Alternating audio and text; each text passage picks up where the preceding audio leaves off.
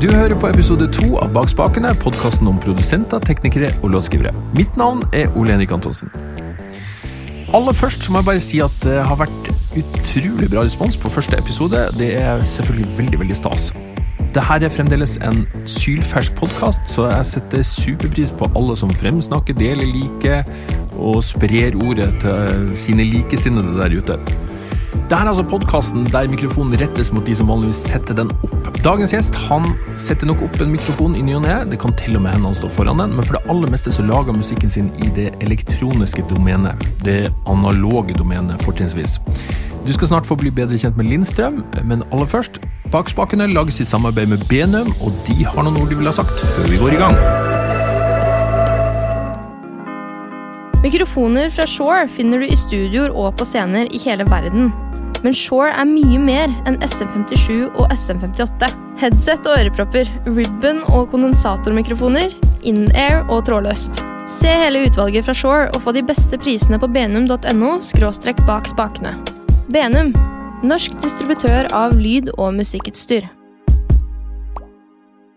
Lindstrøm, velkommen tilbake spakene. Takk for det. Eh, for en syntgeek som meg, så er det ganske vanskelig å holde fokus når jeg sitter i det rommet her. Her er det veldig mye bra greier. Memory Moog, Yamaha C60, Korg MS20, Minimoog, uh, Arp CP70, Roads, Wurlitzer, masse modulærgreier. Hvor mye av pengene dine bruker du egentlig på utstyr? Det er jo på en måte en viktig del av min uh, musikalske inspirasjon. Så jeg tenker at uh, det er veldig lett å bli litt sånn ah, man må ha noe nytt og sånn. Men uh, siden det gir så mye inspirasjon til å lage låter og til å fortsette å ha det gøy med musikk, så da tenker jeg at da kan jeg bruke litt penger på det. Men det blir jo mer enn man kanskje burde. Men jeg tenker at det er jo en del av av businessen min. du kan forsvare det overfor kone og barn? Ja, jeg har ikke noe problem med å forsvare det. Nei. Nei. Det er bra. Vi skal snakke mer om synta etter hvert. Eh, først, du er ute med en ny plate i dag, som vi snakker. Ja. Eh, gratulerer. Takk for det. Fortell om den. Uh, ja, den Det var vel egentlig en plate som jeg lagde litt eh, basert på en del av de låtene som jeg spilte for litt over et år siden på Henny Onsdag Kunstsenter. Et som bestillingsverk. Jeg ble spurt om å gjøre på 50-årsjubileet deres. Så jeg brukte ganske lang tid på å forberede det. Og det var jo et prosjekt der jeg tok flytta omtrent hele studioet inn i det rommet som de kaller studio. Ja. Som er et mye større rom enn dette her. Satte alt opp på svære stativer og fant ut for første gang at jeg skulle prøve å fremføre musikken min uten en laptop. Ja. Uten en maskin, som gjorde mye av jobben for meg. da. Nå fikk jeg jo masse hjelp av disse svære syntene og trommemaskinene, og sånn da, men eh, det var et ganske sånn halsbrekkende opplegg. da. Men det var veldig gøy, og det var jo et engangstilfelle, antar jeg. Jeg tror ikke jeg kommer til å gjøre det igjen. da. Nei. Og Planen var at jeg skulle bruke Jeg tenkte kanskje at hvis det ble veldig bra, dette, her, så tar jeg bare og gir ut hele konserten som en liveplate. eller noe sånt. For det er jo heller ikke noe som jeg har gjort før, siden alt som jeg gjør, er liksom eh, programmert stort sett og sånn studiojobbing. Ja. Men når jeg var ferdig med den Henny Jonstad Det gikk jo kjempebra, jeg var veldig fornøyd, men, eh, men da var jeg så lei av de sangene at jeg bare kjente Jeg orka ikke tanken på at de skulle liksom Jeg begynte liksom å jobbe med de og, og liksom mikse det i studio, da. Ja. Eh, men eh, jeg bare orka ikke tanken på at det skulle være liksom plata som kom ut. Så jeg hadde lyst til å på en måte bruke noen av de elementene, noen av de låtene og jobbe litt mer med det og på en måte litt, fokusere litt mer på liksom, ja, det som endte opp som fire låter da, på plata. Og jeg har jo egentlig jobba med de låtene sånn som jeg har jobba med, med, det prosjektet ute på Henny Onsdag. Der jeg brukte disse syntene og trommaskinene, og jeg fortsetter å jobbe på samme måten i, her i studiet. da. Mm. Brukte jo noe av det som Noe av det er jo egentlig fra den konserten. Bare opptak derfra. Mens mm. andre ting har jeg jobba med her. Men mye av det er egentlig Det meste egentlig er bare lange strekk som jeg har spilt og latt ligge litt noen uker og hørt på det og funnet ja, dette var jo egentlig litt interessant. Og så har jeg på en måte bare bygd litt rundt og prøvd å holde det ganske minimalistisk og enkelt. Jeg fant ut at jeg hadde lyst til å prøve å ikke ha noe særlig trommer, for det har jo egentlig også vært noe som jeg har gjort veldig mye før. Det blir veldig sånn fokus på trommer og bass og sånn. Mm. Og programmering av alt mulig plugins og sånn. så jeg hadde egentlig lyst til å bare gå vekk fra alt det. Jeg ble egentlig litt lei av Jeg har egentlig ganske lenge vært ganske lei av klubbmusikk generelt. og Det er ikke noe som jeg hører på noen gang. Eh, jeg har ikke hørt på det på mange år. Eh, noen ganger så føles det litt rart å lage musikk som jeg ikke hører på selv. Da. Så jeg hadde egentlig lyst til å lage en plate som, eh, som jeg hadde lyst til å høre på selv. Eller jeg hadde lyst til å lage den plata som jeg hadde lyst til å høre på når jeg sitter oppe på rommet og hører på musikk. Ja. Så derfor har det blitt en ganske annerledes plate enn det som jeg har gjort tidligere. Da. Det er jo viktig å gjøre noe som er litt nytt og annerledes hver gang, og ikke bare gå i samme spor. Selvfølgelig. Når du sier du ikke brukte laptop på Henny Onsdag, hva bruker du da? Jeg kjøpte noen svære stativer eh, der man kan få plass til ganske mye. Både synter og trommemaskiner og sånn. De som står her De nå? som står her nå, ja. Ja. De er sånn type 1,70 og nærmere to meter høye. Du ser det er plass til ganske mye. Ja, på. Så ble det egentlig litt sånn at eh, jeg hadde vel kanskje sånn type ti låter på Henny Onsdag. Og det ble litt sånn at eh, ett stativ var liksom én eller to låter. Så hadde jeg en, to, tre, fire, seks eller fem stativer. da. Noen av sangene var på en måte bare synter og uten så mye trommer, kanskje, mens noe var med noen sekvenser fra noen trommaskiner eller eh, sekvenser og midi-sekvenser. Og hadde jeg noe sånn, en gammel Tascam-maskin som jeg hadde spilt inn noen trommer på, som jeg trykte play og En, en tapemaskin? en tapemaskin, ja. Det var egentlig veldig lite av det som var liksom synka òg, da. Ja. Jeg hadde med en uh, CR78, en sånn gammel Roland trommaskin, som var synka opp mot uh, SH101.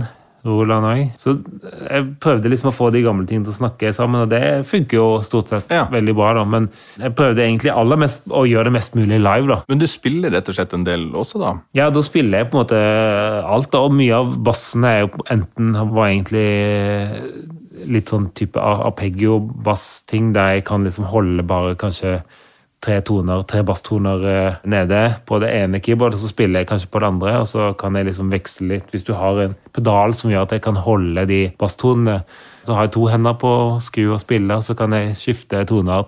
Man kan jo egentlig gjøre ganske mye hvis du øver litt, og hvis du eh, liksom finner ut liksom hvordan man skal gjøre det, da. Ja. Eh, Men, det... er jo samtidig veldig begrensa, fordi litt av utfordringen er på en måte å bygge opp intensiteten og få ting til å gå Fordi når du, når du kan liksom sitte og justere ting på laptopen og, og liksom tegne inn kurver som er automatisert og sånn, og så blir jo alt veldig smooth og, og riktig, da. Men eh, kanskje litt kjedelig òg. Og det gøye med de tre jobbene på Henny Onsdag var jo at alle var jo egentlig ganske forskjellige, da. Ja. Særlig. Og jo mer på de sangene der jeg hadde lagt opp til mer improvisasjon, det var særlig de som på en måte gikk i alle mulige retninger. da. Vanligvis når jeg spiller, så er det liksom basert på låter som allerede er spilt inn, som har på en måte separerte tracks. Og, og drive og mikse live og spille litt oppå og under og sånn. Eh, men likevel så er det jo veldig satt, da. Kan, man kan jo selvfølgelig gjøre veldig mye mer ut av det, da, men det har liksom bare vært min måte å, å gjøre ting på. Og det er ganske vanskelig å bryte ut av en sånn eh, noe som han har gjort i liksom 15 år. Ja. Eh, Så dette var på en måte min måte å bryte litt ut på, og bare gjøre alt helt sånn radikalt annerledes. Det blir jazz. Nei, jeg vet ikke om det blir jazz. Det blir i hvert fall gøy. Ja. Men, eh, men etter det, da, så da, da har den modulære fasen virkelig slått inn? Ja, etter det, Jeg hadde jo med meg noen sånne de der Moog uh, Mother 32. Ja. Uh, og en sånn D5 fra Moog som jeg hadde så vidt kjøpt rett før, eh, de, før jeg spilte. Siden de òg kan eh, liksom snakke sammen med modellære Eurorack-ting og sånn, så var vel egentlig tanken at det, der, eh, det var kanskje min inngangsport til den verden der. Og Ja. det ble det jo kanskje etter hvert òg, da. For jeg- så jeg snakka med en studionabo som mente det at det er ikke så veldig skummelt. Man må prøve litt forskjellige ting, og det kan ikke gjøre noe galt. og så fant jeg ut at gleden ved å sitte og gleden ved å spille uten laptop eh, den var ganske stor. da. Eh, Så jeg fant ut at hvis jeg kan klare å erstatte laptopen med moduler og gjøre det på en måte litt enklere, kanskje, men eh, litt gøyere for meg selv, da. Mm. Eh, og med mulighet for å skue For jeg føler hele den laptop-greia har egentlig vært litt sånn jakten på den perfekte midi-kontroller og den perfekte eh, midi-keyboard, eller eh, Og det er egentlig en litt sånn du kommer liksom Det blir aldri perfekt. ikke sant? Du finner aldri noe som er liksom lite nok og bra nok og god nok kvalitet til å tåle masse reising, og med store nok knotter og feider og tangenter og alt mulig. Så jeg bestemte meg egentlig for å lage en slags, sånn, eh, en eh, slags modulær kasse som kunne erstatte laptopen. da. får vi se hvordan det går. Ja. Men hvor lenge kan du spille med den? Sånn som jeg, Nå hadde jeg en liten spillejobb i går eh, der jeg presenterte en liten smakebit av eh, albumet på et sted i Oslo som heter Baklengs, som egentlig bare er et hull i veggen eh, i Fredensborgveien. Da spilte jeg 20 minutter, men jeg kunne, jeg kunne fint spilt lenger, da, men det blir jo ganske lange strekk. da. Ja. Det som jeg syns er litt gøy med å gjøre noe nytt for første gang, sånn som for meg blir dette modulærgreiene blir, det er at eh, jeg gjør sikkert alt feil, og gjør sikkert alt på en helt annen måte enn det som folk kanskje pleier å gjøre, eller eh, ikke sant? Mitt inntrykk er at mye av den modellære nudlingen, den, eh, den dreier seg egentlig mye om patcher og måtte få ting til å spille selv, og, og lage litt sånn intrik- intrikate opplegg der man liksom Når det skjer med en stemme eller eh, en eller annen Ikke sant, så, så, så så påvirker det en annen. og, så, og så blir det plutselig litt sånn generativ musikk som, eh, som spiller seg selv, på en måte. Eh, og det er jo gøy nok, men uh, for meg så, iallfall nå i starten, så tenker jeg at jeg bruker det mer som en, uh, som en liten verktøykasse der jeg kan liksom spille låtene mine live, og der jeg bruker på en måte de, synten, de syntstemmene som er der, og litt eh, sånn trommeting, enkle ting, og prøver liksom å gjøre det litt sånn som, en, som et instrument, da. Eh, som er liksom basert på at jeg skal faktisk sitte og spille på disse lydene og blande inn de forskjellige lydene. Og, så det var veldig, jeg merka i går når jeg sto der og spilte, at alt var jo på en måte patcha ferdig på forhånd. For jeg har på en måte funnet et opplegg som kan funke. Da. Så jeg har på en måte gjort det så safe som mulig, for jeg, kan ikke sitte der og patche live på en måte og drive med de der kablene og sånn. Det er altfor smått og altfor vanskelig å finne ut av det. Ja. Det blir mer at man har på en måte et opplegg som var liksom ferdig patcha, og der jeg på en måte spiller på det som allerede er liksom lagt opp. Og tenker at det var en helt eh, det var en kjempegøy eh, opplevelse og erfaring for meg å finne ut at det er noe som funker. da. Ja, som, som jeg sa, jeg holdt på kanskje 20 minutter, men eh, om to-tre uker så spiller jeg i Bergen, eh, i Trollsalen. Og da må jeg jo i hvert fall spille 40 minutter, tenker jeg, eh, for at det skal bli liksom litt lengde på det. Ja. Eh, og det tror jeg skal funke. Det er jo på en måte ganske sånn lange strekk og, Ja. og liksom kanskje ikke mest sånn mainstream type Kanskje man må, det krever litt å lytte, og, men, men det ligger litt sånn i både platas og låtene sin eh, natur. da. Det skal på en måte være litt sånn lange strekk. og Ja. Jeg syns det er litt tilfredsstillende å finne ut at det, selv om jeg ikke lagde denne plata på modulær eh, synt, så, så er det litt gøy å, å finne ut at det, det går an å fremføre plata på, på, på det. Eh, nå bruker jeg jo en sånn Juno 106 som et slags sånn midi master keyboard eh, eh, sammen med det modulære, da. Så det er ikke bare modulær. Men eh, jeg orker ikke å ta med meg de der svære, gamle syntene som antageligvis ikke kommer til å overleve togturen til Bergen og Nei. Stavanger. og Men, men hva har du brukt på plata, da? Da har du brukt alt vi ser her av Ja, på den første låta, så, som er tittelsporet, så brukte jeg Memory Moogen. Spilte bare et langt strekk, egentlig bare for å Man må egentlig bare skru på syntene og bruke de litt, sånn at ikke de ikke tørker ut og, Ja. og sånn. Så det var egentlig en litt sånn Ja, nå må jeg bruke den litt og skru på. Spilte litt, og, og så tok jeg opp alt. Jeg har egentlig funnet at det, man må bare ta opp alt, eh, selv når du holder på med sånne ja, modellerte ting òg, og liksom sitte og spille på ting. fordi eh, plutselig så er det ting der som man kan eh, kanskje bruke. Mm. Så det var egentlig et langt strekk på Memory Moogen, der jeg egentlig bare spiller masse improvisert eh, synt. Ja. Og den Yamaha CS-en, den, den har jeg egentlig bare hatt et år eh, sånn i fungerende tilstand. For ti år siden, eller kanskje mer, tolv år siden jeg kjøpte den, så funka den i tre måneder før han døde. Så den har vært litt sånn i dvale i ti-tolv år. De, de er helt utrolig vanskelig å få reparert. det, Ja, de er litt- spesielle jeg deler som Ja, han som pleier Jeg har egentlig hatt den innom eh, flere steder eh, som flere folk jeg kjenner som er gode på å fikse ting, da, som hjelper meg på med å fikse de gamle tingene mine. Men eh, det er litt sånn prosjekt som jeg tror òg en del av de folka som driver og fikser på ting, de eh, kvier seg litt for det. sånn, åh, Det veier jo et tonn, og, og ja Um, Det er vel litt vanskelig å få tak i en del av de delene. og sånn da. Men så fant jeg en fyr som nede i Skien som var skikkelig flink på disse her. Så han uh, fiksa han opp, og så nå funker han. Så jeg fikk jo brukt den òg litt. Grann. Eller så har jeg jo brukt eh, Rhodes piano og uh, ja, Arp Odyssey, MS-20 mm, Wurlitzeren har jeg brukt. Og ja, litt forskjellig, egentlig. Klavinetten og orgel har jeg brukt. Er det YC Ja, det er en YC30 eller noe sånt. Men det er en Hammond-orgelet som er under der. Ja. er En sliten liten eh, sak som Ja. nesten aldri funker. Så, ja. Jeg syns jo det er veldig inspirerende å jobbe med har jo, Man har jo egentlig tilgang på alt dette her på, på maskiner, eh, som plugins og emulerte kloner av eh, Men som låter egentlig helt fantastisk. Men det blir Jeg klarte liksom ikke å få det til å, å liksom sitte i miksen, på en måte, eller eh, Så er det noe med bare det å, å spille eh, Jeg fikk aldri kjøpt en Minimoog eh, som på en måte har vært den ultimate synten min eh, i alle år, helt siden jeg liksom begynte å spille, og så John Lord spiller Ja. Minimoog på California Jam i 73 eller noe sånt, på video, selvfølgelig. Eh, Når den kom som en sånn remake eh, for noen år siden, og jeg fikk testa den, så skjønte jeg at det er jo en grunn til at den, den både låter var men det er jo det er noe med liksom ergonomien og måten liksom eh, knottene og tangentene og alt på en måte henger sammen, og som gjør at det, den er så utrolig digg å spille på.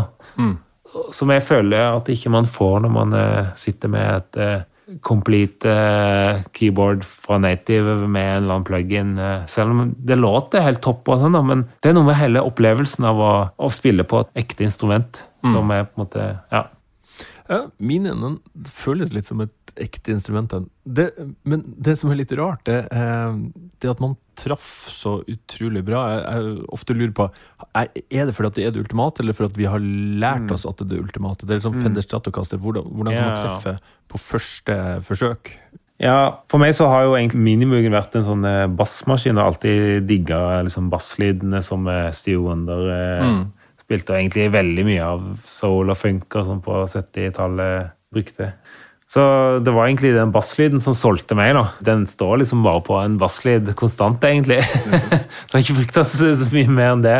Og, og så- sånn er det egentlig litt for meg for en del, men en del andre ting òg. Sånn som den Solina String som jeg har her borte. Den, den kan jo én lyd, da, men den kan jo den veldig fint, da. Er veldig fin, ja. Eh, Det er ikke sikkert at man kan forsvare, og så etter hvert så blir jo disse tingene Det blir jo sånn risk å kjøpe sånne ting òg, fordi de, de blir jo egentlig bare man må jo passe skikkelig godt på dem og sørge for at de ikke tørker inn, og Ja. at de ikke de stopper å funke. da. Men eh, jeg vet ikke, det er noe med det originale som føles veldig riktig. da. Selv om mm. det, det er mye nye ting som, eh, som er gøy òg.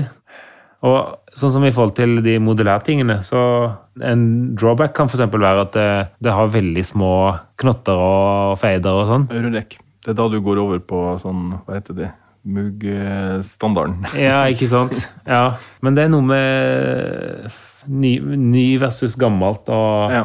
jeg tenker kanskje at det, det som er litt gøy med Eurorec, er at du kan mikse og matche alt mulig, og, og liksom kanskje at kreativiteten eh, ligger der, da, for meg, iallfall foreløpig.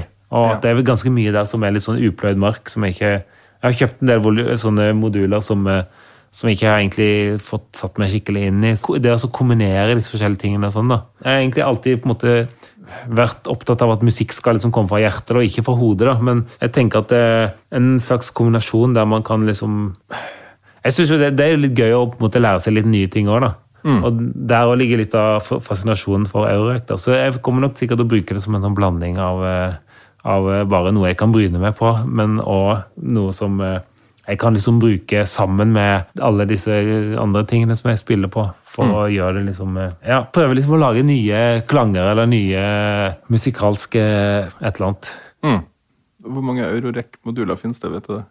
Jeg lurer på om eh, på denne modular grid som ligger på nettet, som prøver vel å samle alt, så er det vel eh, iallfall oppi sånn 5000-6000. Så Ja. det er ganske mye forskjellig. Litt å prøve ut før du er ferdig der. Ja, ikke sant? Når du jobber modulært, rekorder du sekvens for sekvens og dubber det, eller gjør du alt ferdig som en sånn fiks ferdig dings, eller hvordan Nå har jeg jo egentlig ikke fått eh, brukt disse modulærtingene på plate. Men, eh, men jeg har begynt å, å ta opp og sånn, så og jobbe med litt sånn nye ting. eh, Jeg kjøpte en sånn modulær sånn Eurorack-mikser fra noe som heter WMD, som heter Performance Mixer. Som eh, jeg fant ut i etterkant hadde en sånn expansion, eh, eller expander-modul-greie, som du kan eh, koble til en sånn D-sub eh, eller to sånne D-sub-kabler, så har jeg egentlig bare tatt de inn i lydkortet, og da kan jeg på en måte få tappa alt. Da er det direktelyden som er liksom uten alt mulig effekter og sånt som jeg har på seg sends og sånn. da. Ja. Så da er det liksom helt tørt rett inn på maskinen. Og så er jeg egentlig, Særlig hvis man bruker liksom tomme ting og sånn, ting som har på en måte en, eh, en puls, eller noe sånt, så er det jo litt viktig at det, at det går på grid, og at det liksom er synka opp mot maskinen og sånn. Og det er jo heller ikke noe problem å få til. Men akkurat hvordan jeg kommer til Jeg ser jo for meg at jeg kommer til å bare Jeg kommer sikkert til å sette opp, lage på en måte ganske sånn du starter forskjellige trommemoduler og en sekvens og spiller ting samtidig og skifter. Og, og, så tar jeg egentlig bare opp alt, og så blir det sikkert sånn at jeg tar opp en time med 16 spor, og så fjerner jeg det som, det som jeg ikke det som ikke, det som ikke spilte noen ting, og så sitter jeg igjen med kanskje noe som det kan bruke. Og så blir det jo sikkert at jeg kommer til å ende opp med å bruke noen av de strekkene og kanskje liksom spille inn noe nytt. Så det blir jo Jeg bruker jo maskiner på samme måte, egentlig, men forskjellen er at jeg sitter liksom ikke med plugins og, og det, jeg prøver egentlig, jeg har lyst til å prøve å ikke programmere så mye, for det ble jeg så utrolig lei av å sitte og, og, og liksom programmere trommer og programmere, spille inn midi-synte. Mm. Eh, og kunne liksom gå inn og fikse på det seinere. Jeg har egentlig lyst til å jobbe med lange strekk som jeg på en måte sitter og spiller fysisk i studio. Mm. Eh, og heller klippe i de lange strekkene senere. Ikke i småbiter, men heller i liksom Men det blir jo også en Det kommer jo helt an på hvilken musikk man har tenkt å lage. da. Og for min del så For øyeblikket så har jeg lyst til å lage litt sånne utsvevende, utflytende, lange strekker. Så får vi se hvordan det blir. Jeg vet jo ikke helt hvordan det blir, egentlig, men det er jo litt av mora. Hvis man gjør det samme hele tiden, så lager man egentlig den samme musikken hele tiden òg. Mm. Men uh, når man uh, prøver nye metoder å gjøre ting på, så blir man sånn tvungen egentlig til å ta noen andre valg og gå litt utenfor komfortsonen. Og da jeg føler at jeg er kanskje litt på vei dit, og det er egentlig der jeg har lyst til å være. Jeg prøver å bare finne ut av eh, litt nye ting. Mm. Men spiller du fremdeles Du snakker med henne i onsdag. Spiller du klubber fremdeles? Eller ja, jeg spiller det, Akkurat nå føles det som uh, å spille de gamle låtene, på en måte. Og det er jo egentlig noe som jeg ser at jeg verken kan eller vil slutte med det. da. Og jeg har heller ikke tenkt å slutte å lage dansemusikk uh, eller uh, musikk som funker på en klubb eller en festival for et dansende publikum. For det har egentlig vært blitt litt sånn at det, det, er liksom der som jeg alltid blir eh, plassert. Og det er jo sikkert litt selvvalgt, og, og litt sånn at det blir, det blir liksom sånn at man, måtte, man, får på en måte en plass, da. Mm. Jeg har ikke noe imot det, men innimellom så kan det føles litt som, særlig når du på en måte reiser hvis du, Jeg har egentlig prøvd å holde nede reisingen mest mulig, egentlig i alle år, da, for jeg min motivasjon har aldri vært liksom å være ute på veien og spille og turnere og sånn. da. Nei. Jeg har liksom kone og barn og har lyst til egentlig å være sammen med de, og ikke minst være sammen, eh, nei, ja, være sammen med syntene mine i studio. Eh, det skjønner jeg veldig godt. Ja, ikke sant? Sånn som når jeg er i USA et par ganger i året, har det vært de siste ja, 10-15 årene, så, eh, som egentlig mine leng lengste reiser så er det da, da, da, er det liksom tre jobber i tre byer. Ganske, ganske sånn tight schedule. Fra jeg drar hjemmefra til jeg kommer tilbake igjen, så går det liksom ca. fem dager. da. Og det er egentlig altfor mye. Da er jeg liksom så utfattelig lei av å være borte og være ute på reise. det virker på meg som noen syns liksom selve livet er liksom å reise og spille og turnere, og ingenting er bedre enn det. Men for meg så er det egentlig hvis ikke jeg får være i studio og jobbe, så mister jeg på det hele motivasjonen. Mm. Eh, så derfor prøver jeg egentlig å kutte ned på både festivaler og klubber og, og sånn. Men jeg syns jo egentlig det var veldig gøy å spille på et kunstsenter, da, sånn som Henny Jonstad, og gjøre et bestillingsverk. og det føles som man, man, bruker, eller som jeg kan bruke mer tid og gå mer i dybden på det jeg gjør, da, enn å Noen ganger så føles, føles det som om å dra fra Barcelona til London til eh, Brussel eller noe sånt en helg Eh, Det føles litt sånn samlebånd. For det, alt er liksom bare sånn ja, inn, ut, eh, hotell, flyplass, lydsjekk, middag, spilling. Det er ikke musikk i mine ører. Det blir egentlig bare som en vanlig jobb der man reiser liksom en sånn traveling salesman eller noe sånt. Jeg har lyst til å gå ut mer i dybden på ting og bruke mer tid hjemme. Du fortalte om en litt spesiell jobb du har på gang i Stavanger. Ja, det, det også henger jo egentlig litt sammen med det som jeg snakka om nå. Mens jeg drev og jobba på Henny Onsdag, og ble jeg spurt om eh, Ja, en som nevnte til meg at eh, hvis jeg hadde lyst til å gjøre noe med orgelet i Forten Valen i Stavanger konserthus, så måtte jeg bare si ifra. Og det syns jeg var en veldig hyggelig eh, forespørsel. Men min første reaksjon var vel egentlig at nei, jeg er jo ikke noen organist. Jeg kan ikke Jeg så for meg ikke sant, fire manualer med, og ba- og masse sånne Ja, hva det heter de, ja, Som du drar inn og ut. Ja, på Det er vel register, det. Ja, ikke sant? Som er på en måte en helt sånn ny verden for meg. Så jeg sa vel egentlig at ja, jeg skal tenke på det, men nå når jeg tenkte meg om Og det som kanskje gjorde at jeg, at jeg bestemte meg for at jeg hadde lyst til å gjøre det, det var vel egentlig det faktum at det, det orgelet der har uh, Det kan midi-styres. Ja. Og, og plutselig da slo det meg at oi, der har man jo egentlig veldig store muligheter. Og så fant jeg ut at eh, så lenge jeg kan ha liksom litt tid på Nå har jeg liksom et, hatt et år, eller jeg holdt på å kverne på ideer og sånn, i hvert fall et halvt år. da. ja. Mer, egentlig. Og, da, og vært der ute og spilt en del og prøvd litt og sånn. da. Og da får jeg liksom litt tid til å lære meg kanskje det instrumentet å kjenne fra å være noe som jeg var helt totalt ukjent eh, Ja. med, til å bli noe som jeg i hvert fall skjønner litt mer av. da, Og ser liksom muligheter eh, i forhold til eh, ja, både liksom eh, den midi-delen, der hvilke ting man kan gjøre der, pluss liksom ja, ikke sant, lyden av pipene i rom og, Ja.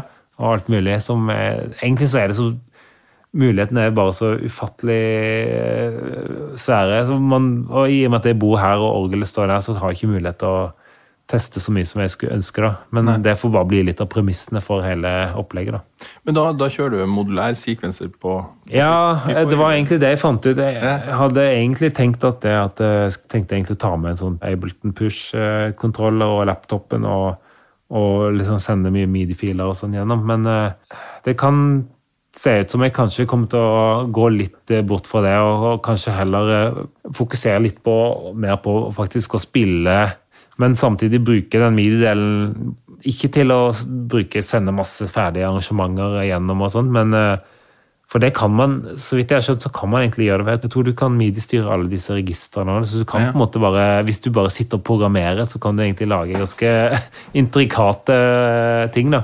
Vet du om det har vært gjort noe sånt tidligere? Jeg er ikke helt sikker, faktisk. Nei? Han er Nils Henrik Asheim, som, er- som er husorganisten der. Han, eh, jeg så han spilte på en eh, oppsetning Eller han lagde musikken til eh, eh, Metropolis, den Fritz Lang-stumfilmen. Ja.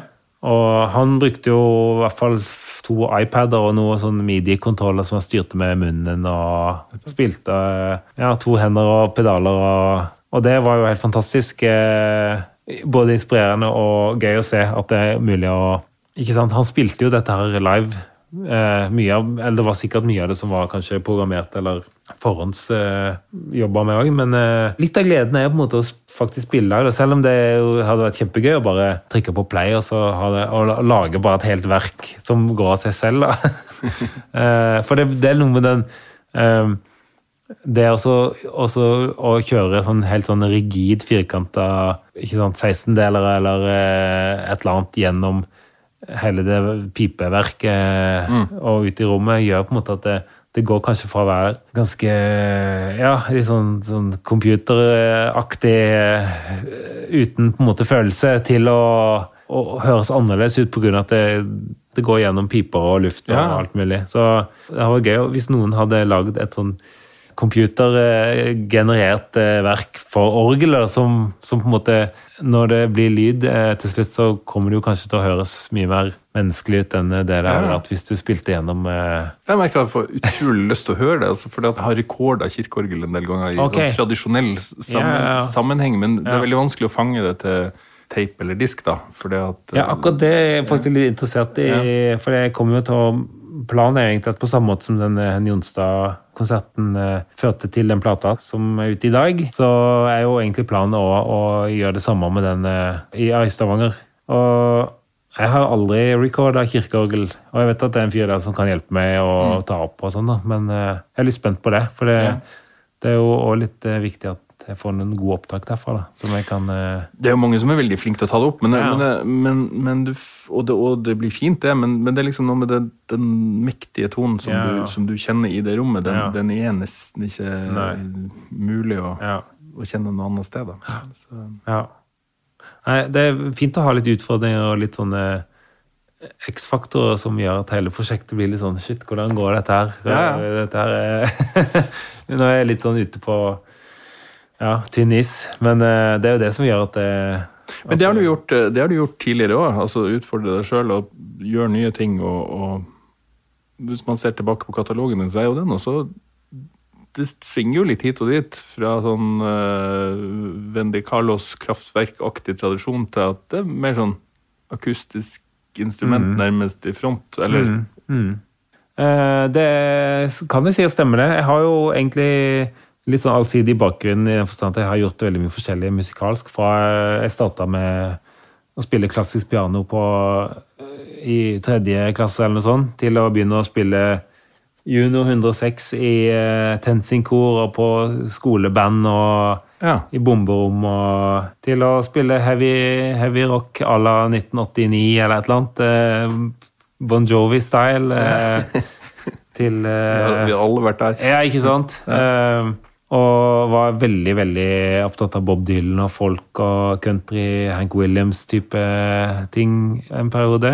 Tok med gitaren og spilte på Karl Johan en sommer. Eh, coverlåter og, og sånn. Så det har egentlig gjort ganske mye forskjellige ting. Og jeg tenker at det er en fordel når man lager musikk. Og alt dette her vil på en måte Det ligger jo i bakhodet, de tingene som man eh, alle, alle de forskjellige musikalske impulsene som man har enten holdt på med eller latt seg inspirere av mm. opp gjennom årene. Og sånn har det jo egentlig også vært etter jeg begynte å, å gi ut ting. og så jeg, Når jeg også hører på katalogen min tilbake, noe som jeg for øvrig ikke pleier å ha til for vane å gjøre, så hører jeg jo det at eh, den musikken som jeg lagde for 5, og 10, og 15 og 20 år siden, den kunne jeg aldri lagd nå. da, For det var noe som jeg på en måte lagde den gang. og der på en måte ja, sånn som noen av de første platene, Den første plata som jeg lagde med prins Thomas i 2005. Der, eh, Da hadde jeg akkurat kjøpt en banjo når jeg var i New York. Og da ble det ganske mye banjo på den eh, skiva.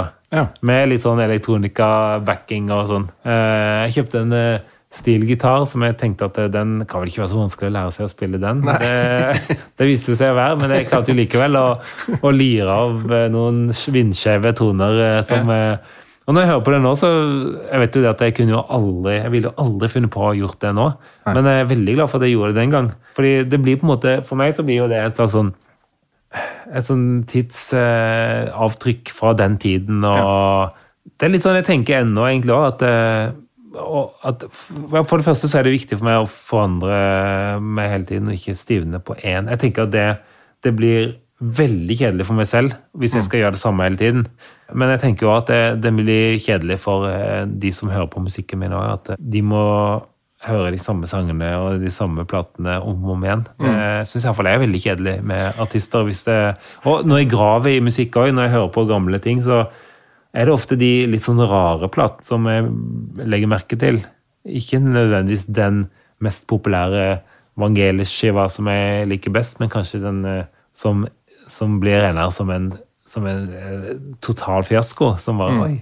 Men her er det jo egentlig ganske mye spennende ting som eh, kanskje ingen andre ser, ikke sant? Og jeg, jeg hører veldig mye på sånn, ikke sant, library-musikk og gamle filmscores og, Ja. og sånn, og det er jo utrolig mye fine ting som egentlig kanskje ikke ble lagd for at det skulle liksom eh, spilles eller noen ting, men det, det er et eller annet med at ja, det har litt sånn, ofte så har det kanskje litt sånn skisseaktig preg, spilt inn med litt dårlig, kanskje utstyr eller litt dårlig eh, Nesten litt sånn jo dårligere kvalitet det er på opptakene, jo mer spennende er det. For det er noe med teksturen og, og liksom feelingen på hele greiene som, som, som blir veldig sånn autentisk og ekte, kanskje. Ja. Men det samme, du vet at du skal liksom Ok, nå går båndet, nå, når dette her skal på plate og sånn, så bare Så mister du på en måte kanskje litt av den umiddelbare følelsen av at eh, nå sitter jeg bare og spiller og Ofte syns jeg, synes jeg eksempel at eh, sånne demoer fra si, en gammel prinsdemo eller noe sånt, det er mye mer spennende det enn eh, Ikke alltid, men eh, ofte så kan jo det være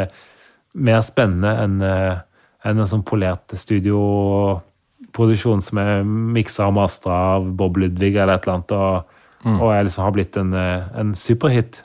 Så er det mye gøyere å høre den gamle hvordan hva han egentlig De tidlige takes i studio, eh, ikke sant? Mm. Eh, Så egentlig så bør man egentlig kanskje Eller jeg tenker litt selv, da, at jeg, jeg prøver liksom å holde litt på de der eh, ja, first, first take, og prøve liksom å beholde litt av den der demoaktige feelingen. da. Mm.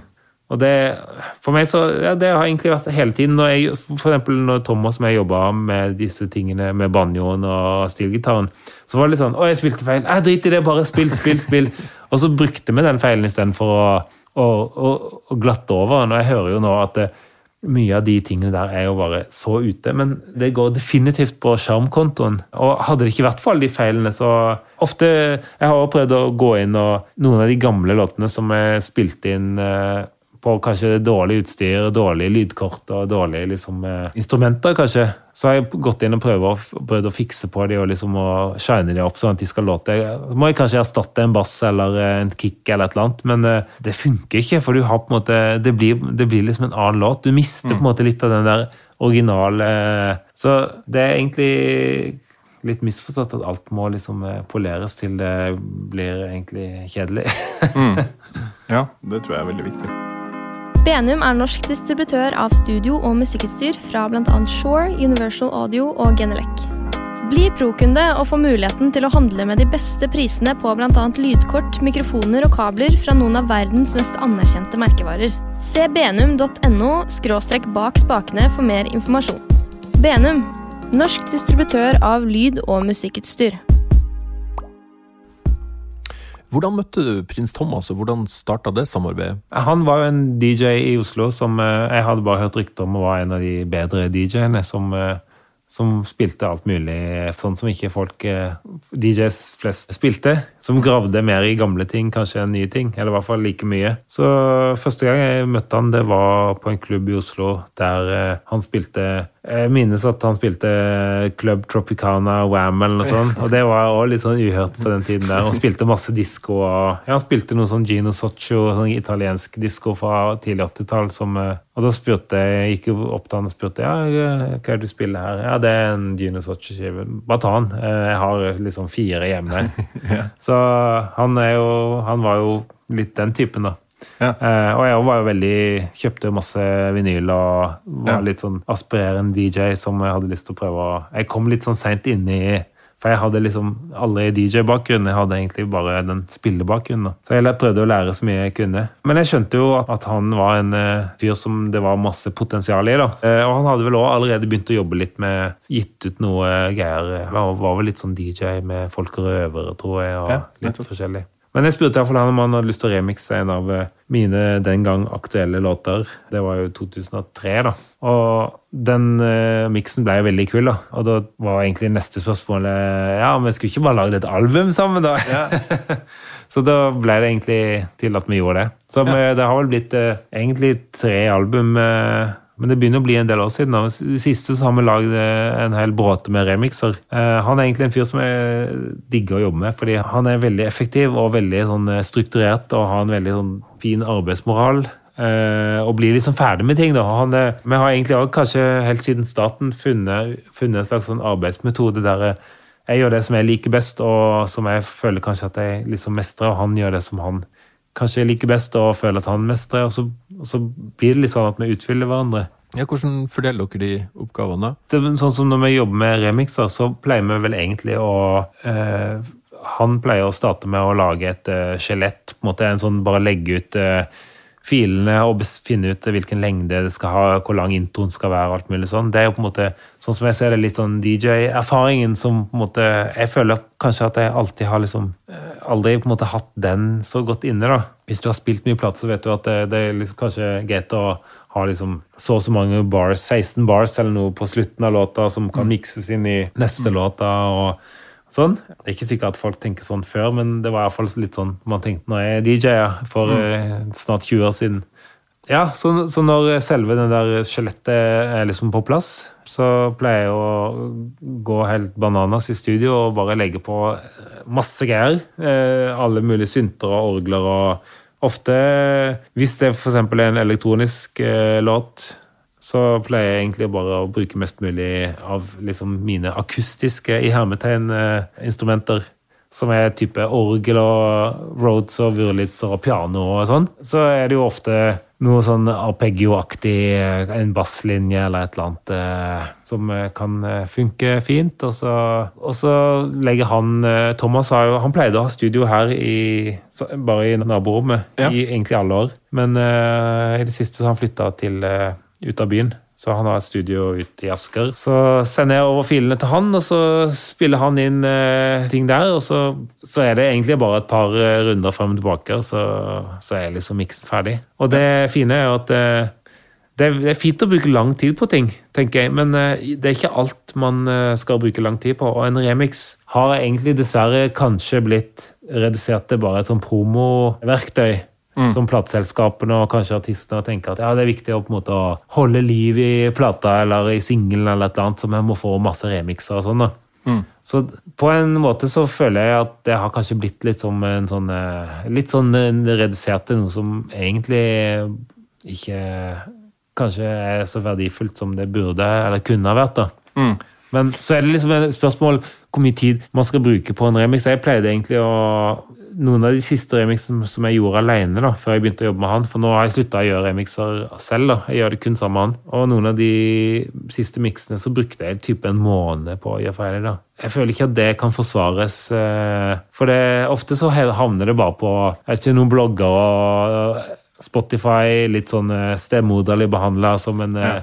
en av mange remixer. og Jeg gidder ikke å bruke tre, ja, en måned av, eh, av livet mitt på noe som bare blir en parentes i historien. Nei, det, det skjønner jeg veldig godt. Så, Men samtidig så er det jo synd at ikke For det, det å lage en remix er jo egentlig en ganske kul greie. da, At man kan liksom bruke eh, andres eh, hoder og talent til å, å liksom Mm. lage noe annet av en låt. da. Jeg husker at dere to fikk ganske mye oppmerksomhet når dere remiksa Madonna. Jeg vet ikke når Ja, nei, Det ble jo aldri noe av den Madonna-remiksen. Madonna-remixen. men det var på TV i hvert fall. jeg husker TV 2 eller NRK Ja. eller hvem det var som var Ja, Nei, det, var, det ble jo aldri noe av det. Det ble aldri- nei. for det var egentlig det var, en- vi, fikk, vi, vi fikk vel egentlig høre at, eh, at eh, Madonna For da drev jo hun og var litt sånn lefla litt med klubbmusikk og, Ja. og sånn. Ja. Og da fikk vi høre det at, eh, at hun hadde visstnok var interessert i Hadde hørt på de tingene vi lagde og var Ja. interessert. da. Og da var vi vel kanskje litt sånn i vinden eh, som remixer og artister og sånn. da. Ja. Eh, men eh, og akkurat da så ga vi også ut den plata vår. Ja. Og da var, egentlig, var jo ingen som var interessert i å skrive om den plata. Eh, så var det egentlig de som jobb, gjorde promo, sånn som bare som sa det når de snakka med VG eller Dagbladet eller et eller annet. Bare, ja, nei, men jeg har ikke hørt om Lindstrøm og prins Thomas, men jeg kan ikke skrive om det. Så, men eh, ta ring tilbake. Ja, men vent litt. eh, eh, de, eh, de skal gjøre en Revik-samadan, da. Så oh, ja, ok! ja, men da var jeg veldig interessert. Så det ble egentlig bare en sånn eh, tullete måte å få litt oppmerksomhet på. Men det var jo Det var på en måte det var jo Så vidt jeg vet, så var det liksom hold i de ryktene, da. Men Ja. det ble aldri noe av, da. Jeg tror i hvert fall hypen virka veldig. Jeg husker jeg hadde publishingavtale med EMI i London da. Ja. Og, og de hadde i hvert fall Jeg vet ikke om dere signa med dem? Eller hvor Jeg det- hadde jo en, en avtale med de, i hvert fall. Ja, de hadde i hvert fall fått det med seg. For Ok, si. ok. Ja, for det var egentlig veldig mye hype akkurat rundt sånn 2005-2006. Det er egentlig litt rart å tenke på nå, men eh, for sånne ting tror jeg aldri kommer igjen. Det er sånn som å oppleve en gang, Nei. tror jeg. Og det har noe med tiden å gjøre og sånn, da. Da var ikke liksom sosiale medier så Nei. veldig nei. utbredt som nå, så det, det var ikke alt man fikk med, med seg, ikke sant? Det var liksom, du måtte egentlig vente på en mail fra noen som, eh, ja, knapt nok det, Ja. eh, for å liksom vite hvem som hadde spilt Men Som en telefax. ja, ikke sant? Ja. Men eh, ja, eh, det, vi har ikke remixa Madonna, men vi har remixa veldig mange andre. Ja. ja. Eh, Hvis jeg snakker litt sånn business, da. Du, du var tidlig ute og starta egen label. Ja, jeg starta egentlig eget plateselskap litt fordi det var jo ingen som var interessert i å signe meg eh, av de som fantes eh, sånn eh, rundt eh, årtusenskiftet. Jeg starta med én singel, eller en EP, som jeg trykka opp i, på GZ Media i Tsjekkia. eh, på vinyl. Og så fikk jeg vel Jeg vet ikke om det var 500 X eller noe sånt. Og så delte jeg den ut til eh, ja, DJ som var i Oslo. og Jeg var vel en tur innom London òg, tror jeg. Og, og leverte litt til noen platesjapper og sånn. Og så sendte jeg òg ganske mye. Jeg Det brukte veldig mye porto på de vinylene. Ja, og så var det jo litt interesse, da. Selv om det ble jo aldri noe sånn superhit, akkurat den skiva der, da. Jeg skulle egentlig, Det var en firespors EP som jeg kalte for uh, jo, Untitled EP eller noe sånt. Og den femte låta som på en måte var potensiell, eh, det var jo den I Feel Space-låta som eh, egentlig skulle på, da, men jeg tenkte at nei, den var ikke bra nok. Det, og Den passa ikke inn. og et eller annet. Så den ga jeg egentlig til eh, Rune Lindbekk og hans eh, eh, Jeg husker ikke hva den labelen heter. Denne Drum Drum Island. Drum Island, ja, Ja. tror jeg. Men akkurat da så, så tror jeg han hadde Jeg lurer på om det var so, so, Sona Nei, hva heter de der eh, norske Sonett. Sonett, ja, som ja. hjalp ham med distribusjon. eller sånn. Men akkurat da så skjedde det et eller annet, tror jeg. Så det ble liksom ikke noe mer av de Drum Island-tingene. Og i mellomtiden, det gikk liksom et halvt år, et år, så, så skjønte jeg at den låta som jeg hadde, i- den I Feel Space, som jeg hadde også gitt på CD CDR-plate til masse DJ som var innom i Oslo og sendt rundt til alle mulige folk i, i verden. Skjønte at det var liksom den låta folk ville ha. da. Ja. Og siden ikke Rune klarte liksom å få gitt den ut, så sa jeg til han at du, nå tror jeg bare jeg gir den ut selv. For jeg tror jeg beholder den selv. Jeg kan ikke gi det til deg hvis ikke det skjer noen ting. Så da trykker jeg opp en ny, eh, ny eh, skive, og, og den hjalp jo veldig på liksom eh, Akkurat på den tiden der så begynte jo Da fikk jeg litt sånn spillejobb og skjønte at jeg fikk litt remix, og så skjønte jeg at jeg kunne si opp jobben min på bolig eh, på Voldsløkka og bare liksom satse på musikk. Og da hadde jeg Da var jeg jo bikka 30 og hadde akkurat fått barn og tenkte at ok, hvis, hvis jeg noen gang skal holde på med liksom satse på dette, så må jeg gjøre det nå. Ja. Og da har det egentlig bare gått veldig veldig sakte opp, opp, opp. Det har ikke vært noen sånn kurve som sånn rakett-type, men det har liksom vært, liksom, vært mulig å, å holde på med det, ja, utrolig nok helt til nå. Og jeg tenker jo at det at jeg lagde eget selskap, selv om jeg etter hvert eh, gjorde en avtale begynte å samarbeide med Joakim på Smalltown, så har jeg på en måte alltid vært litt sånn det der Fidelity-platenavnet mitt har liksom alltid egentlig hengt litt ved. Det står vel på alle platene, selv om det er på, på Ja. Smalltown. Og, og jeg sitter jo på masterrettighetene på alle tingene mine. og og i etterkant så jeg jo, skjønte jeg jo at det var ganske smart sånn i strømmetider og sånn. At, eh, For det er jo av, alt, av de tingene som jeg har gitt ut på andre labeler eh, opp gjennom årene, eh, så er det ikke alt som eh, nødvendigvis avregnes eller blir noe av. For det, det blir liksom bare borte eller glemt eller et eller annet. ikke sant? Men å sitte og se på at selv liksom de minste releasene, de minst populære låtene, de, liksom, det, det ruller og går. Det, det går liksom litt grann, hver dag, ikke sant? Eller eh, sånn businessmessig så tenker jeg at det er jo en det er sikkert, Nå er det vel sikkert veldig mye mer vanlig å gjøre det, da, men eh, den gang så var det kanskje ikke så vanlig, da. Ja. Men jeg ser jo at det var en smart ting å gjøre. Men så det er sånn at, at strøminntektene det, det er faktisk en, en, en merkbar del av det du lever av? Ja, jeg vil jo påstå det. Ja. Eh, men jeg er jo avhengig både av eh, spillejobber Kanskje jeg, jeg, jeg prøver liksom å, som jeg sa, prøver å gjøre minst mulig spillejobber. Fordi jeg føler ikke at det er liksom det som jeg har lyst til å fokusere Og man kan fort bli fanga opp i liksom og bare å, du spiller hver helg fordi du, det er veldig lettjente penger, egentlig. Så du får liksom pengene kjapt og greit og inn på konto og sånn, men, eh, men jeg føler jo kanskje at eh, det er minst like viktig å lage musikk. Og, og når man ser at, at inntektene på strømming eh, går jevnt og trutt det, det rare er jo at det, det, du kan egentlig nesten kalkulere med de beløpene som, eh, som kom inn, fordi de er såpass jevne, da. Det ligger seg på et jevnt nivå? Det syns jeg er veldig rart. Fordi, og det, spill, det, er ikke, det er ikke så store svingninger fra liksom Se hvis, se hvis det har gått to år siden jeg ga ut et album, så er det ganske likt for det. Ja. Så det virker som alt, alle de gamle tingene, de liksom ruller og går. Eh, Mm. eh, Jeg syns det er ganske fascinerende å sitte og se på de der eh, Når du sjekker på de der login på Spotify eller et eller annet, så ser du liksom at hvor mange som hører på musikken nå i real time. eh, Og, og tenker at eh, oi, nå sitter det liksom masse folk ute i verden og hører på Akkurat nå. musikken akkurat nå. Ja. Ikke bare akkurat nå, men om en time, om to timer. Og det er liksom jevnt, da. Akkurat som det er liksom noen som har satt på eh, låtene mine på repeat på en butikk i alle verdens land. og Men jeg velger å tro at det faktisk sitter folk og, og hører på det. Ja, det gjør Men, det. Men, eh, men jeg synes jo Jeg er veldig glad for at eh, den delen, selv om jeg er veldig glad i vinyl og, og gamle synter og gamle formater og sånt, så er det jo veldig nyttig med Det er veldig kjekt å kunne bli avregna for gamle ting. Og at ikke, at ikke det bare blir borte, og at det ikke er mulig å få tak i. Og, og sånn da. Jeg liker både det nye og det gamle, egentlig, sånn sett. Ja, ikke sant? Eh, Hvordan er det med Du har hele tida hatt en internasjonal karriere. Har du et byrå, eller er det noen agenter ute der som jobber for deg, eller hvordan fungerer det? Jeg bruker en eh, bookingagent i Berlin, som jeg har brukt i sikkert 15 år eller noe sånt. Og så har jeg en bookingagent i USA, som jeg har brukt i ja, litt mindre, kanskje 10-12 år eller noe sånt. Så det er litt sånn at eh, USA er vel egentlig da USA, Nord-Amerika og Sør-Amerika. Mens eh, hun i Berlin tar eh, hele verden. Og så, har jeg en norsk eh, bookingagent. Og så ja, hadde jeg en manager òg. En fantastisk manager som eh, har hjulpet meg masse. Men eh, jeg valgte å jobbe selv med disse tingene her, fordi det er egentlig ganske Jeg reiser alene. Jeg har ikke noe lydmann med, jeg har ikke noe lysmann med når jeg er ute og flyr og sånn.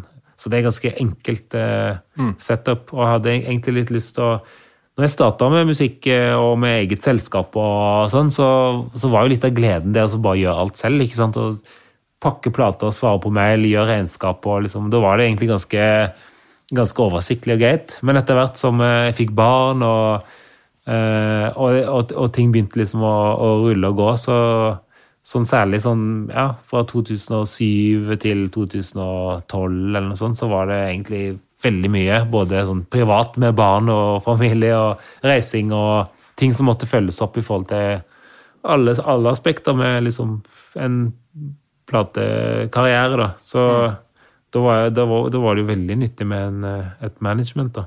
Mm. Men uh, nå som jeg har egentlig litt mer tid på både i forhold til familie og sånn, pluss uh, at jeg har egentlig lyst til å liksom finne litt tilbake igjen til gleden ved å gjøre ting selv, da. Mm. Så fant jeg ut at jeg, at jeg har lyst til å ja, rett og slett bare gjøre det selv istedenfor. Man kan ikke nødvendigvis sparke eller velge å ikke jobbe med alle som jeg jobber sammen med. Så jeg, jeg jobber jo fortsatt sammen med booking, for jeg, jeg orker ikke drive og Det blir veldig sånn selge seg selv-opplegg, da.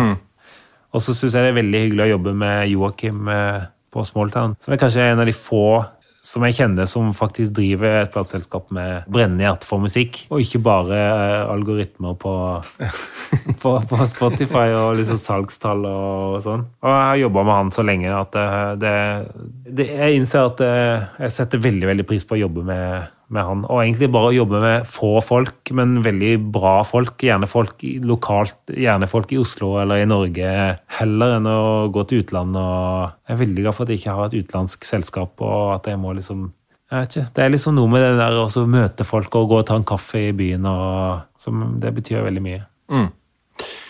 Eh, sånn avslutningsvis, vi må ta en liten runde på det, holdt på å si det viktigste, det er ikke det, men jeg ser rundt meg, så er det vanskelig ikke å si at det er det viktigste. Favorittsynta her, hvis de ser bort fra jeg vet din nye crush er modulærrekkene Ja. som står her, men, men eh, Det er, litt, det er jo litt sånn eh, vanskelig, for man har liksom eh, Det er vanskelig å plukke ut en eh, favorittbarn. Eh, ja, ikke sant? Eh, men eh, Du har veldig mange barn. Ja, ikke sant? Veldig, veldig mange barn. Nei, eh, det går litt så opp og ned, egentlig. Så for øyeblikket så bruker jeg Juno 106 veldig mye. Jeg har egentlig hatt dette, Det er min tredje 106. Den første kjøpte jeg når jeg gikk i åttende klasse. Den andre kjøpte jeg av Geir Jensen når den havna på Finn. Og den her fikk, den kjøpte jeg egentlig sammen med Terje, Todd Terje, så, som jeg egentlig overtok siden han fikk en annen synt. Det har egentlig vært en synt som har på en måte forfulgt meg i alle år, og som fortsatt jeg synes det låter helt fantastisk. Den er veldig sånn enkel å programmere og jobbe med. Bruker både live og i studio, og låter veldig fint og er stabil. og For øyeblikket så er jeg veldig glad i den. da. Men av, av disse litt større tingene, så, så er det jo Memory Moogen har jeg hatt i veldig veldig mange år. For jeg kjøpte den og en Profit 5 på, på eBay for eh, jeg vet ikke, snart 15 år siden. Som ble shippa til meg hit. Begge overlevde, men den Profiten den uh, solgte jeg siden den uh, var ganske dårlige tangenter. Jeg burde jo aldri gjort det, da. det er jo en annen historie. Men, men jeg har lært meg å bli veldig glad i Memory Moogen. Og, og etter at Moog One kom, som egentlig ja. ligner veldig Ja, veldig like utseendemessig. Ja, men så, så, så, fant jeg ut at når jeg testa den litt, så fant jeg ut at nei, egentlig så liker jeg bedre Memory Moogen, selv om den er helt totalt uh, ustabil. og den, er, den, har en sånn autotune-funksjon der du kan der du, Hvis den går ut av tune, drifter ut, så kan du autotune den opp igjen. Det er liksom En gang i halvåret så er liksom alle seks stemmene i tune. da. Ja. Men vanligvis er det liksom fem eller fire. Og, men det, det, er litt av sjarmen, på en måte, at ja. uh, den er litt sånn skeiv og ustabil.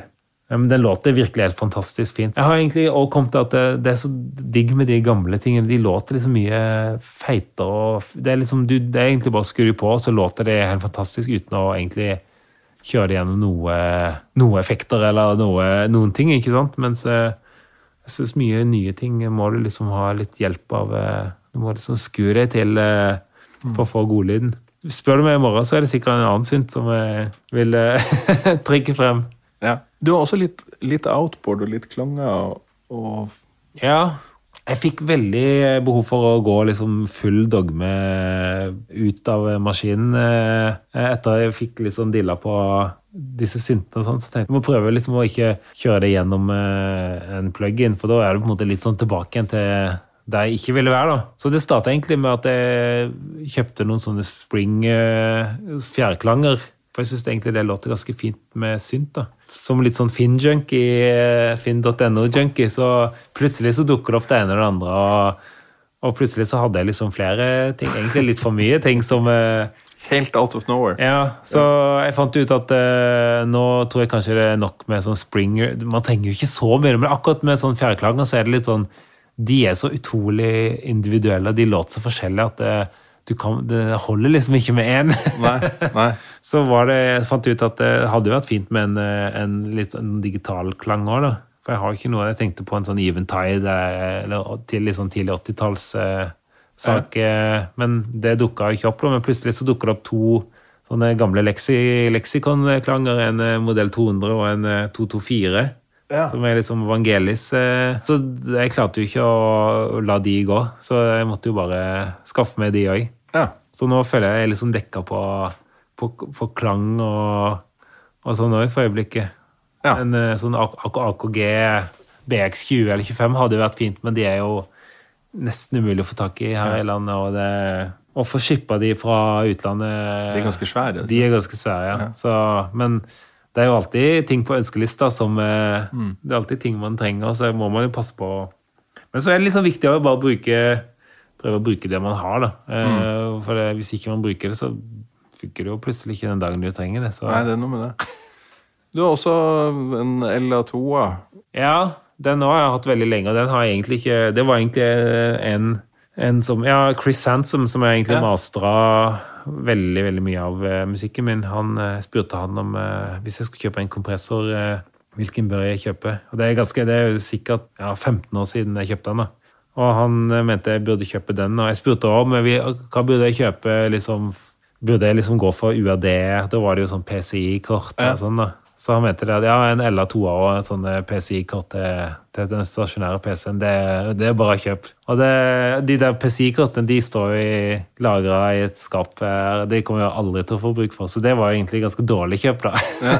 Men den LA2-en, den, den, den vil jeg jo påstå det er jo ikke noe som man eh, nødvendigvis eh, Det er jo en klassiker, så den ja. Eh, jeg har jo ikke brukt det så veldig mye ennå. Men jeg bruker den litt, og jeg har tenkt å bruke den mer mm. i min nye, min nye hardware-verden. Ja. Hvordan, hvordan, når du bruker hardware-klangene og, og, du har en pultdekker, sånn, hvordan kobler du det inn i signalkjeden? Altså, for du har ikke noen mikser eller noe sånt? Jeg gjør antageligvis alt feil, og egentlig litt sånn flau over det. Samtidig så tenker jeg at det, det, er jo egentlig en styrke å gjøre alt feil og ikke på en måte vite hvordan alt skal på en måte henge sammen. og Absolutt. Litt sånn som jeg nevnte med de gamle platene med Thomas, der måte alt ble liksom, alt var helt ute, låt helt forferdelig, men det, det er veldig sjarmerende. Særlig i disse tider der alle sitter og mikser i maskiner og bruker de samme plug-in og Og sånn så syns jeg at det, å ha litt forskjellige gamle ting som suser og støyer litt, og det kan egentlig bare være eh, sjarmerende og, og fint, fordi da får man en egen lyd som uh, man ikke kanskje får hvis du gjør det i, i boksen. da. I, i, i maskiner. Men jeg, jeg har egentlig bare kobla alt inn i en sånn patch-sak. så når jeg recorder ting, så recorder jeg alt uh, helt tørt, uten noen ting. Og så, så sitter jeg liksom og etter eh, du ut og Kjører det bare, jeg, kjører, jeg tar eksempel en synt og kjører gjennom eh, fire klanger, eller sånn, og så finner jeg ut hvilken jeg skal beholde. Så jeg er veldig avhengig av at alt skal liksom være helt sånn eh, wet eh, ut. da. Altså Jeg blander ikke noe, ingenting er liksom Jeg printer liksom ingenting før, før liksom jeg er ferdig med hele miksen. og- For jeg er ikke noen sånn tekniker eller noen ting. Så det blir liksom Alt er bare sånn hjemmelagd opplegg som ja, Kult, men jeg liker egentlig blitt mer og mer glad i den måten å jobbe på. Jeg syns det er en styrke mer enn en svakhet. At, det, at man ikke nødvendigvis gjør alt riktig.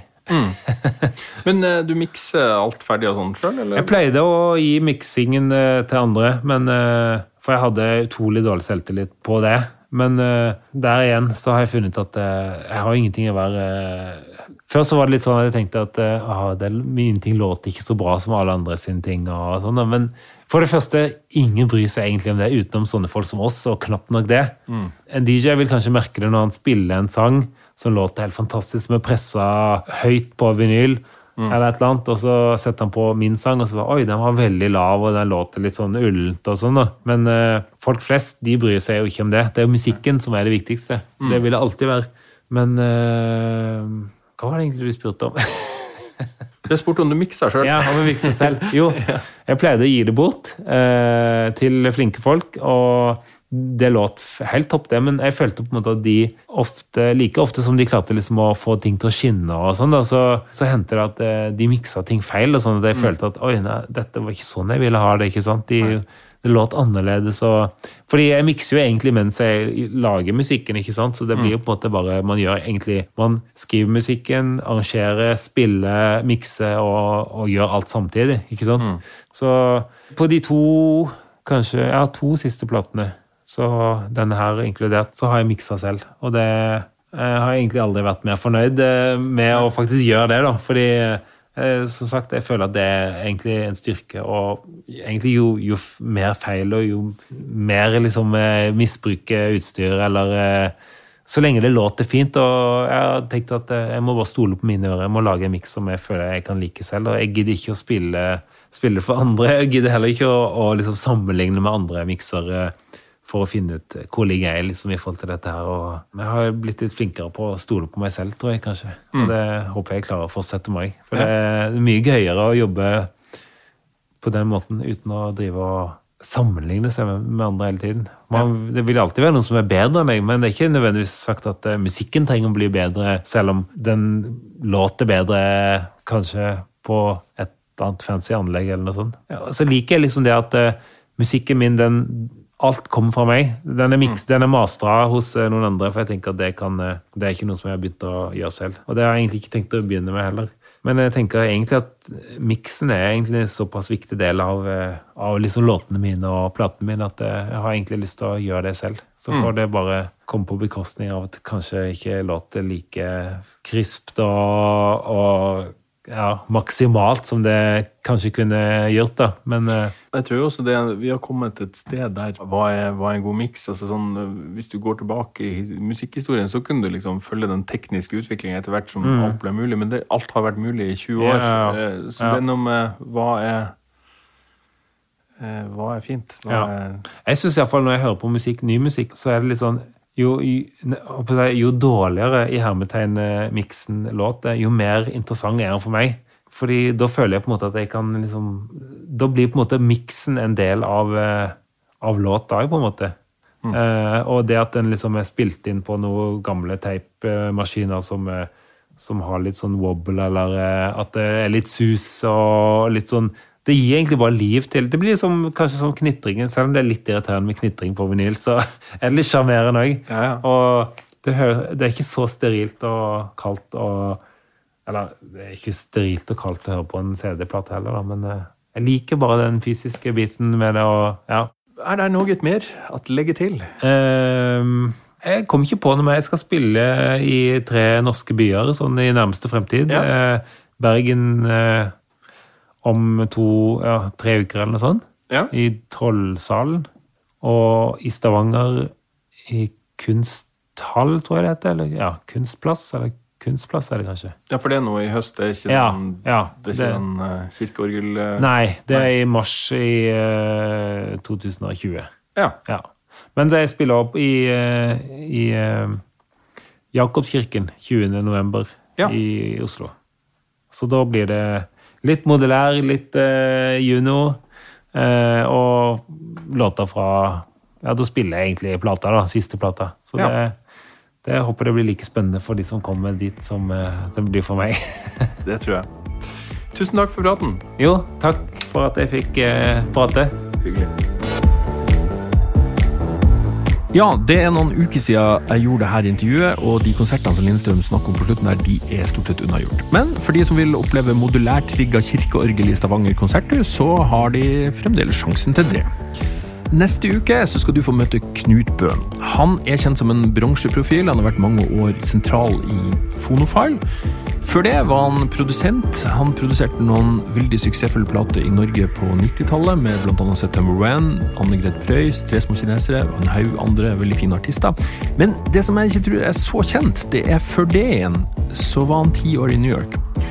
Og der endte han opp som sjefstekniker til selveste Nile Rodgers. Han var med på noen helt eh, legendariske innspillinger, annet ei av mine favorittskiver. Det skal du få høre masse om neste uke. Da gjenstår det bare for meg å takke min gode samarbeidspartner Benum, som gjør det her mulig. Hvis du driver ditt eget studio som et foretak, så kan det hende at du kvalifiserer som proffkunde og kan få kjøpe direkte fra Benum til nettopriser. Det finner du ut ved å gå inn på benum.no slash bakspakene og søke om å bli kunde. Hvis du liker Bakspakene, så håper jeg at du sprer ordet og forteller alle dine likesinnede om podkasten. Bruker du iTunes eller Apple Podkast, så er det veldig fint om du går inn og rater Bakspakene der. Da blir den mer synlig. Legg også gjerne igjen en kommentar om hva du syns.